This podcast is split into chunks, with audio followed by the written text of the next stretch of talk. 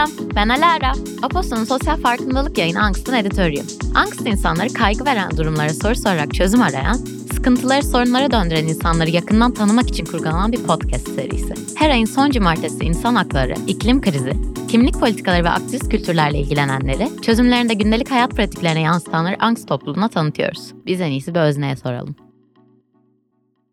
Bugün Angst insanlarının ilk sezonunun son bölümünü çekiyoruz ve karşımda Naz var. Hoş geldin Naz. Hoş bulduk Alara. Nasılsın? Çok iyiyim. Çok teşekkür ederim beni programına konuk ettiğin için. Ben teşekkür ederim. Naz çok güzel bir kız. Karşımda bana gülerek bakıyor. Girl power ve enerjim artmış durumda. O yüzden bana gülerek bakmaya devam edersen bu programı süper devam ettireceğimize eminim. Teşekkür Şimdi ederim. sorumla başlıyorum ben. Naz Akyol kimdir? Ne yapar? Ama bu soru burada bitmiyor. İlk defa bu sorunun biraz daha devamıyla geleceğim. Ve sorum şu. Naz'ı, Naz Akyol demiyorum artık bundan sonra. Angst insanlara yolunu düşürten, onu angst eden, ona angst yapan şey nedir? Çok teşekkürler Alara. Ee, Ben programı birazcık sabote ederek başlamak istiyorum. Ben Ankara'da doğmuş büyümüş bir kadınım. Ee, İki ay önce 30 yaşıma bastım. Doğum günün kutlu olsun. Çok teşekkür ederim. Evli değilim. Uluslararası ilişkiler ve politik ekonomi lisans ve yüksek lisans derecem var. Kariyerimin e, başından beri uluslararası organizasyonlarda hep kalkınma alanında çalıştım. E, yoga yapıyorum. Amatör olarak heykel yapıyorum. Yemek yapmayı çok severim. Yemeği de çok severim. Araba kullanmaya bayılırım. Hatta çoğu zaman e, hızın beni mutlu ettiğini bile söyleyebilirim. Parantez içinde kontrollü bir şekilde. Ve aynı zamanda da arabamı tek hamlede ve tek elle de park edebiliyorum. Falan. Aynen öyle. Bir bayan olarak bunu yapabiliyorsun Naz. E, kadın lütfen. Okey, E, aynı zamanda da topuklu ayakkabı giymekten ve makyaj yapmaktan da pek hoşlanmadığımı söyleyebilirim. Şimdi sabote dedim. Neden? Çünkü şu anda beni dinleyen tüm dinleyiciler benimle ilgili yavaş yavaş kafalarında bir stereotiple başladılar e, düşünmeye ve bir profil oluşmaya başladı. Şu anda düşünce bulutları yavaş yavaş e, beliriyor diyebiliriz. Hmm, 30 yaşında, evli değil, tehlike Hoş değil. çanları, e, yoga yapıyor. Zaten yoga yapmayan mı kaldı şu anda? Herkes yoga Pandemi yapıyor. sonrası. Aynen. E, yemek yemeyi seviyorum dedi. Kilosunu söylemedi. Acaba şişman mı? Mesela. E, makyaj yapmayı sevmeyen kadın mı olur? Hoş değil. Araba kullanmayı severim dedi. Muhtemelen e, kullanıyorum dediği yoga stüdyosundan kalkıp evine falan Aynen. gidip geri Çok dönüyor. da beceremiyordur diye düşünüyorum. Şu anda beni bir kutuya yerleştirdik ve e, aslında bugünün de konusuyla ilgili küçük bir ipucuyla başladık. E, şimdi ben Naz Akyol ve angst hissettiğim, e, bunun için anksiyete geliştirdiğim şey de başta toplumsal cinsiyete dayalı olmak üzere tüm zararlı kalıp yargılar. İlk ortak noktamız. Aynen öyle. Angst insanların dinleyen herkese çok şaşıracağını düşünüyorum ortak noktamız olmasına. Buna çok sevindim. Ama bu angst sübjesini birazcık dikkatlice kullanıp böyle parçalara ayırıp e, üzerine düşünen bir insan olduğumu da söyleyebilirim. O yüzden buradayım. Birazdan da bununla ilgili konuşacağım için e, çok mutluyum. Çünkü profesyonel olarak bu angstı bir misyon ve bir programa hizmet amacıyla kullanıyorum ve beni buraya getiren şey de bugün bu. Ay iyi ki geldin. Evet İyi ki süper. buradayım. Benim için de çok heyecanlı. Aynı şeylerden angst ettiğimi söyleyebilirim. Bunu zaten konuştuk ve angstta zaten bunun üstüne şeyler yapıyoruz ama bunun üstüne konuşmanın bana iyileşme alanı olması ve bunu birazcık da sezon finali olduğumuz için söylüyorum. Çünkü bütün sezon boyunca aslında tekrarladığımız şeylerden biri buydu. Yani bu benim iyileşme alanlarımdan biri. Seni angst eden şeylere karşı şimdi anlatacağın şeylerle ilişkileniyor olman bana ilham veriyor. O yüzden bugün burada olmaktan ekstra mutluyum. Seni tanıdığım için de mutluyum ve bunları yaptığın için teşekkür ederim. Ben teşekkür ederim beni tekrar konuk ettiğin için ve e, bunları konuşuyor olduğumuz için bu programın zaten etosu bu. O yüzden tekrar da teşekkür ederim. Böyle bir inisiyatifle de e, Apostol'u gördüğümüz için. Ben Nazak Yol. 3 senedir Birleşmiş Milletler Kadın Biriminde yani UN Women'da çalışıyorum ve son bir senedir de küresel bir programın Türkiye bölümünün koordinatörlüğünü yapıyorum. Post babe. UN Women Birleşmiş Milletler Kadın Birimi aslında küresel olarak kadınlar ve kız çocuklarının hayatın her alanına eşit bir şekilde katılımının sağlanması için standartlar ve politikalar geliştiren bir Birleşmiş Milletler Ajansı. Aynı zamanda da programlar yürüten bir ajans ve Türkiye'de kadınların siyasete katılımı, e, iş hayatına katılımından çocuk yaşta erken ve zorla evliliklerin önlenmesi, toplumsal cinsiyete dayalı bütçeleme, erkeklerin katılımı ve zararlı erkeklik algılarının dönüştürülmesi gibi farklı alanlarda pek çok program ve proje e, yürütüyor şu anda UN Women ve ben de 3 senedir bunun bir parçası olarak çalışıyorum. Buraya alkış sesleri. Peki o zaman e, şimdi bütün bu söylediklerini aslında birleştirmek istiyorum. Bir kere bu e, sabote için teşekkür ederim. Güzel oldu. Işığımı çalman hoşuma gitmedi ama programa yarıyor. Peki o zaman bu kalıp yargılardan yani o kutucuktan bahsettiğimizde ne anlıyoruz? Yani bunların bize ve topluma zararı ne oluyor? Şöyle aslında biraz önce UN Women'ın Türkiye'de yaptığı işleri sayarken bu tematik alanların her birinin aslında kökeninde toplumda var olan pek çok eşitsizliğin temelinde kalıp yargıları olduğunu görüyoruz. Bunların egemenliği sürdükçe bu eşitsizlikler de katlanarak devam ediyor. Aslında kalıp yargının tanımını da yapmak belki doğru olabilir. Çünkü kalıp yargı, klişe sürekli bahsediyoruz ama ne bu? Kalıp yargı belirli bir grubun özellikleri hakkında kişinin ya da toplulukların sahip olduğu olumlu ve olumsuz inançlar kümesi aslında. Bunlar ön yargılar, olumsuz eğilimler olarak doğuyor. Sonra klişe ve kalıp yargı haline geliyor. E, ve bu klişeler tüm insanların aslında kişisel yeteneklerini ortaya çıkarmada, profesyonel olarak kendilerini geliştirmede ya da bir tercih yapmada ve hayatın her alanıyla ilgili seçim yapacakları zaman karşılarında bir engel olarak çoğunlukla da aslında görünmeyen bir engel olarak ortaya çıkıyor ve sınırlar koyuyor. Ve biz de sınırlardan hoşlanmıyoruz. O yüzden bu yargılardan beslenen tutumların toplumsal cinsiyet, engellilik, yaş, beden ölçüsü, cinsel yönelim, cinsiyet kimliği, e, temelli dışlayıcılık, ayrımcılık ve şiddete kadar gittiğini gözlemliyoruz. Ve Birleşmiş Milletler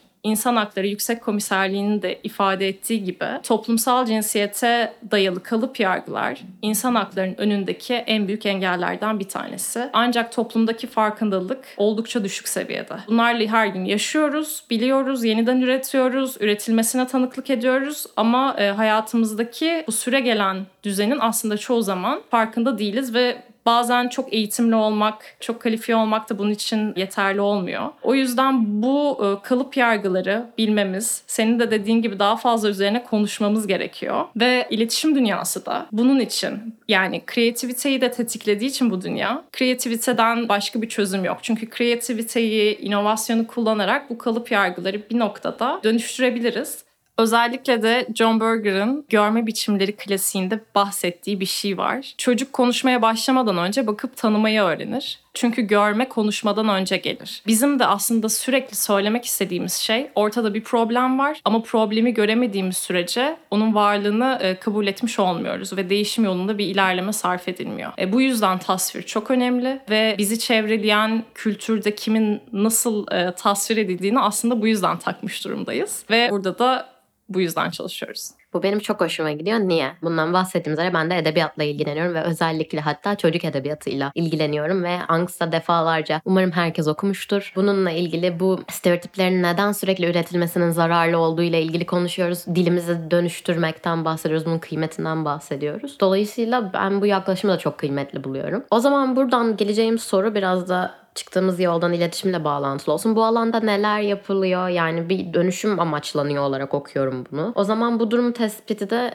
bana ilham verici geliyor diyebilirim hangisi insanları özelinde baktığımızda. O zaman tespitin üzerine inşa ettikleriniz neler? Çok güzel bir soru. UN Women 2017'de aslında bu alanda kolektif eylemin gücüne de inanarak pazarlama iletişimi sektörüyle güçlerini birleştirdi. Ve e, pazarlama iletişimi derken reklam verenleri, reklamcıları, kreatif e, endüstrileri kastediyorum. Bu gücü aslında küreselde birleştirdi ve Cannes Lions Uluslararası e, Yaratıcılık Festivali'nde 2017'de Unstereotype Alliance doğdu. Unstereotype İngilizce ve söylemesi zor biliyorum ama marka değerini de korumak için İngilizcesine sadık kalmaya çalışıyoruz. Ama stereotipleri dönüştürme, kalıp yargılardan arındırma gibi sanırım çevirisini yapabilirim. Bu bir eylem ve düşünce koalisyonu ve misyonu da medya ve reklam içeriklerindeki zararlı kalıp yargıların dönüştürülmesini sağlamak. Daha ilerici, eşitlikçi içeriklerin tasviri için aslında sektörün birbirini bir noktada challenge etmesini sağlamak sağlamak. Ve Türkiye bölümü de 2019 yılında UN Women'ın yürütücülüğünde ve Reklam Verenler Derneği ve Reklamcılar Derneği'nin liderliğinde kuruldu. Şu anda UN Women tarafından yürütülen bu platform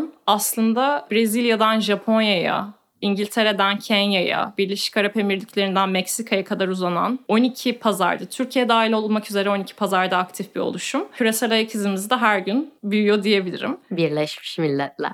Aynen öyle. Aynı şekilde de ortak bir vizyonu reklamlardaki içerikleri dönüştürmek olan pazarlama iletişim sektörüyle çalışıyoruz. Tabii ki de 193 e, üye devletin Birleşmiş Milletler'in gücüne de burada atıfta bulunmak gerekiyor. Gerçekten sanırım şu anda var olan sürdürülebilirlik alanına düşen çünkü bu da çeşitlilik ve kapsayıcılığın aslında altına giren bir alan ve bu sürdürülebilirlik şu anda herkesin aslında bir buzzword olarak kullandığı sürdürülebilirlik ama aslında bir buzzword değil bu ve bir artık bir iş sorumluluğu. Ya benim bu noktada Birleşmiş Milletler şakamdan sonraki bence çok iyi bir şakaydı. Şu hoşuma gidiyor. Yani kültürler arası bir bağ kurulması ve bunun tek tip yine tek tipleşip çıkmayıp bence kültürel bağlamlara özellikle bakılması bu açıdan yine nedir? Kıymetlidir bence. O zaman şu soruya geleceğim. Yani birazcık da proje çıktılarıyla elde ettiğiniz veriler üzerinden bir düşünüyorum. Çünkü hani en merak ettiğim şey buydu seninle bugün konuşmak istediğimde. Bu programın markalara nasıl bir faydası var? Yani bunu nasıl özetleyebiliriz? Ee, şimdi şöyle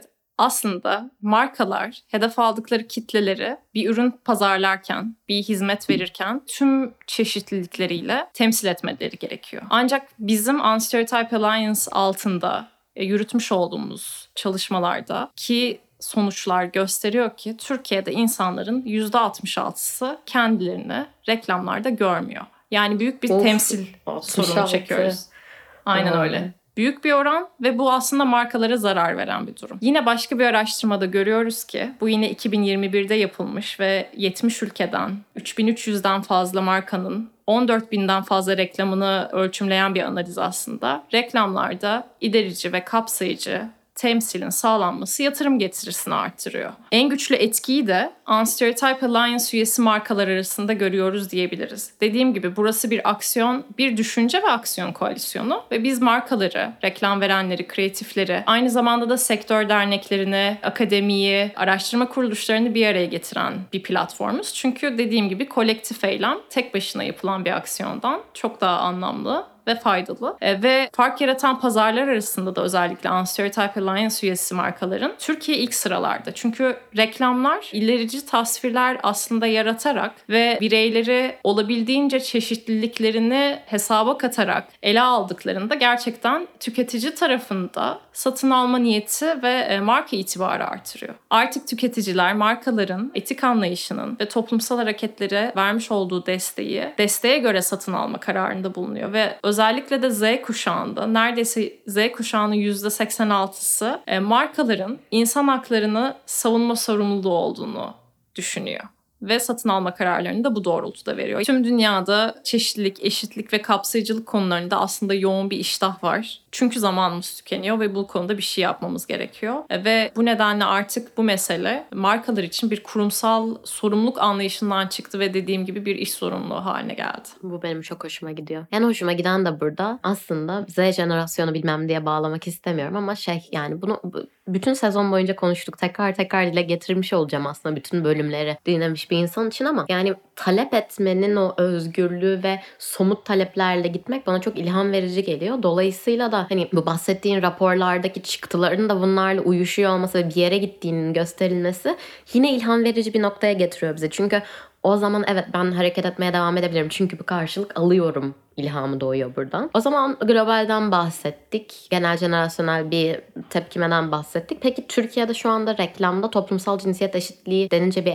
ilerleme görebiliyor muyuz? Evet güzel haberler var. Ee, markaların çalışmalarında ve toplumsal farkındalıkla ilgili yürüttükleri kampanyalarda e, bu konuyla ilgili olumlu değişimler gözlemleniyor. Türkiye'deki reklamlarda kadın ana karakter oranları yükseliyor. Daha çok çalışan rolünde kadınlar görüyoruz. Evde daha fazla vakit geçiren ve ev işleri üstlenen erkekler var. 2021 EFİT televizyon reklamlarındaki analize göre geleneksel olarak erkeklerle özdeşleşen banka ve finans kategorilerinde daha fazla kadın görüyoruz. Burada artık oranlar son araştırma sonuçlarına göre 2021 sonuçlarına göre %54 kadın %46 erkeklere ulaşmış vaziyette. Kadınlarla özdeşleşen Ev temizlik bakım kategorisinde de erkek görünürlülüğü artıyor. Burada da 50-50 gibi oranlardan aslında bahsediyorum. Tabii şunu da söylemek gerekiyor. Kalıp yargıların dönüşümü dedik. Aslında bunu bir puzzle gibi düşünmek lazım ve kalıp yargıların dönüşümünü bu puzzle'ın ortasına oturttuğumuz zaman bunun bir parçası kalıp yargılardan arındırılmış reklamcılık. Diğer bir parçası iş yerinde eşitliğin sağlanması ve başka bir parçası da toplumsal farkındalığın artırılması. Yani hepsi bir bütünün e, parçası ve hiçbiri birbirinden bağımsız aslında değerlendirilemez. Kantar'ın TGI denilen bir tüketici araştırması var ve bu araştırma sonuçları 2016 e, yılında ankete katılan insanların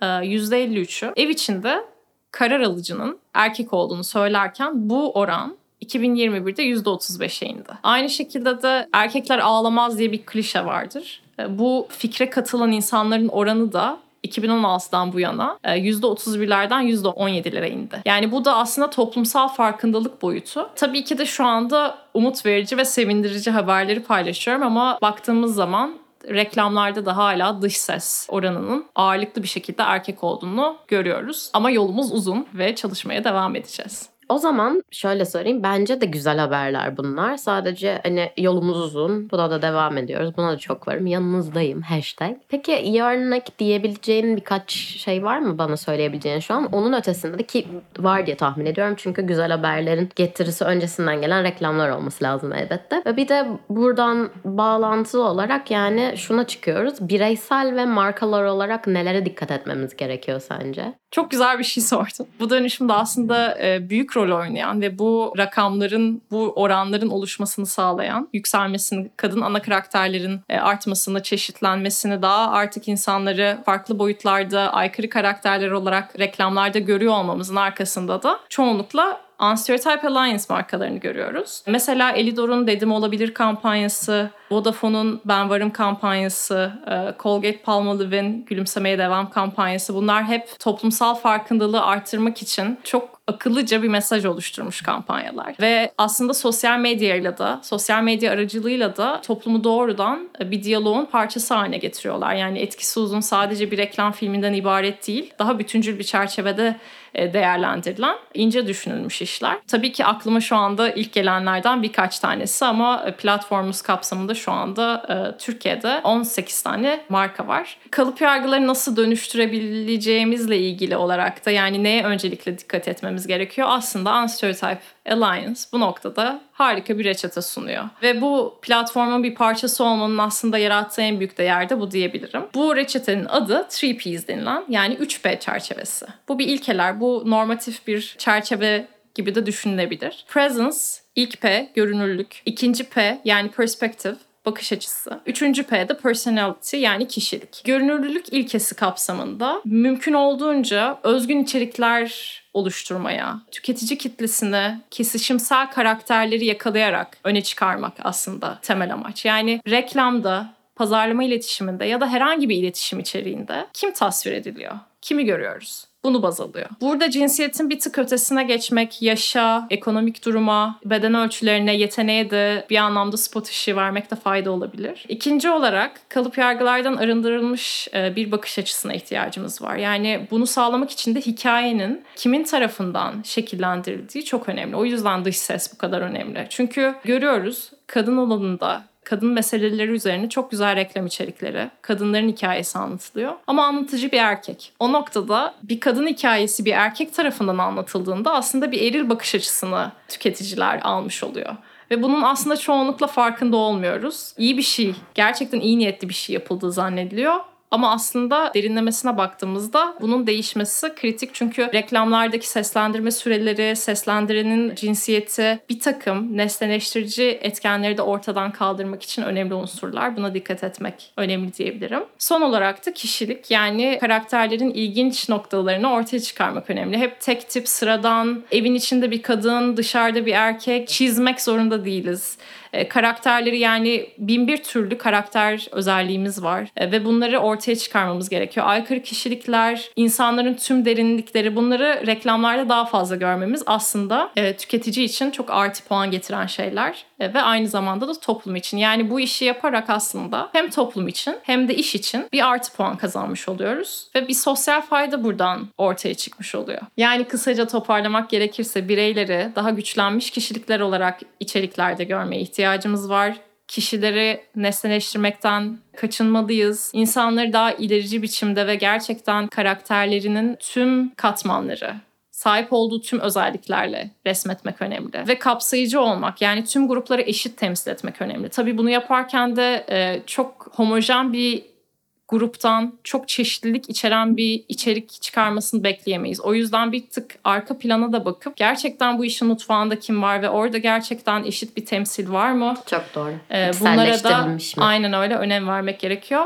Ve son olarak bireysel olarak da ne yapabiliriz? Bunu sorgulayabiliriz ve bunu talep edebiliriz. Bireysel olarak tüm bu soruları tükettiğimiz içeriklerin üreticilerinden talep edersek ve sorgulamaya devam edersek gerçekten bir değişimden sanırım söz etmeye başlayabiliriz. Oley. Böyle konuşunca beni heyecanlandırıyorsun. Böyle tak tak tak şu olursa bu olur, bu olursa bu olur. Okey gerçekten ben en önemlisinin burada içselleştirmek olduğunu düşünüyorum. Bu yüzden mutfak kısmı çok önemli. Ve öteki türlü çünkü bunu uzun vadede ne kadar devam ettirebiliriz emin değilim hakikaten. Peki o zaman angst etmekten yine angstın klişe sorunlarından birine dönelim. Ama klişe olmasına rağmen bir yere sıkıştırmıyoruz tabii ki. O zaman peki Naz'ın Unstereotype Alliance projesiyle birlikte hakkım var dedikleri nelerdir? Benim hakkım var dediğim şey şu bilmeye, öğrenmeye ve değişmeye hakkım var. Çünkü en büyük problem problemi görememek. Çünkü ben kadınım falan.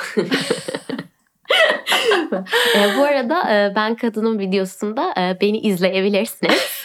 İkinci çıkıyorum. İkinci değil dur üçüncü falan. Bundan çok gurur duyuyorum çünkü. Kenaz çok teşekkür ederim geldiğin için. Böyle ben hala bana ederim. gülerek baktığın için de çok teşekkür ederim. Umarım keyif almışsındır. Şu an eklemek istediğim bir şey varsa da Alar bunu nasıl sormazsın ya dediğim bir şey varsa da lütfen mikrofonu tekrar sana bırakabilirim. Ama onun dışında bitiriyoruz yani. Çok teşekkür ederim Alara. Ben de aynı enerjiyi senden aldığım için çok mutluyum. Umarım başka bir programda tekrar Aa, görüşmek kesin. üzere diyelim.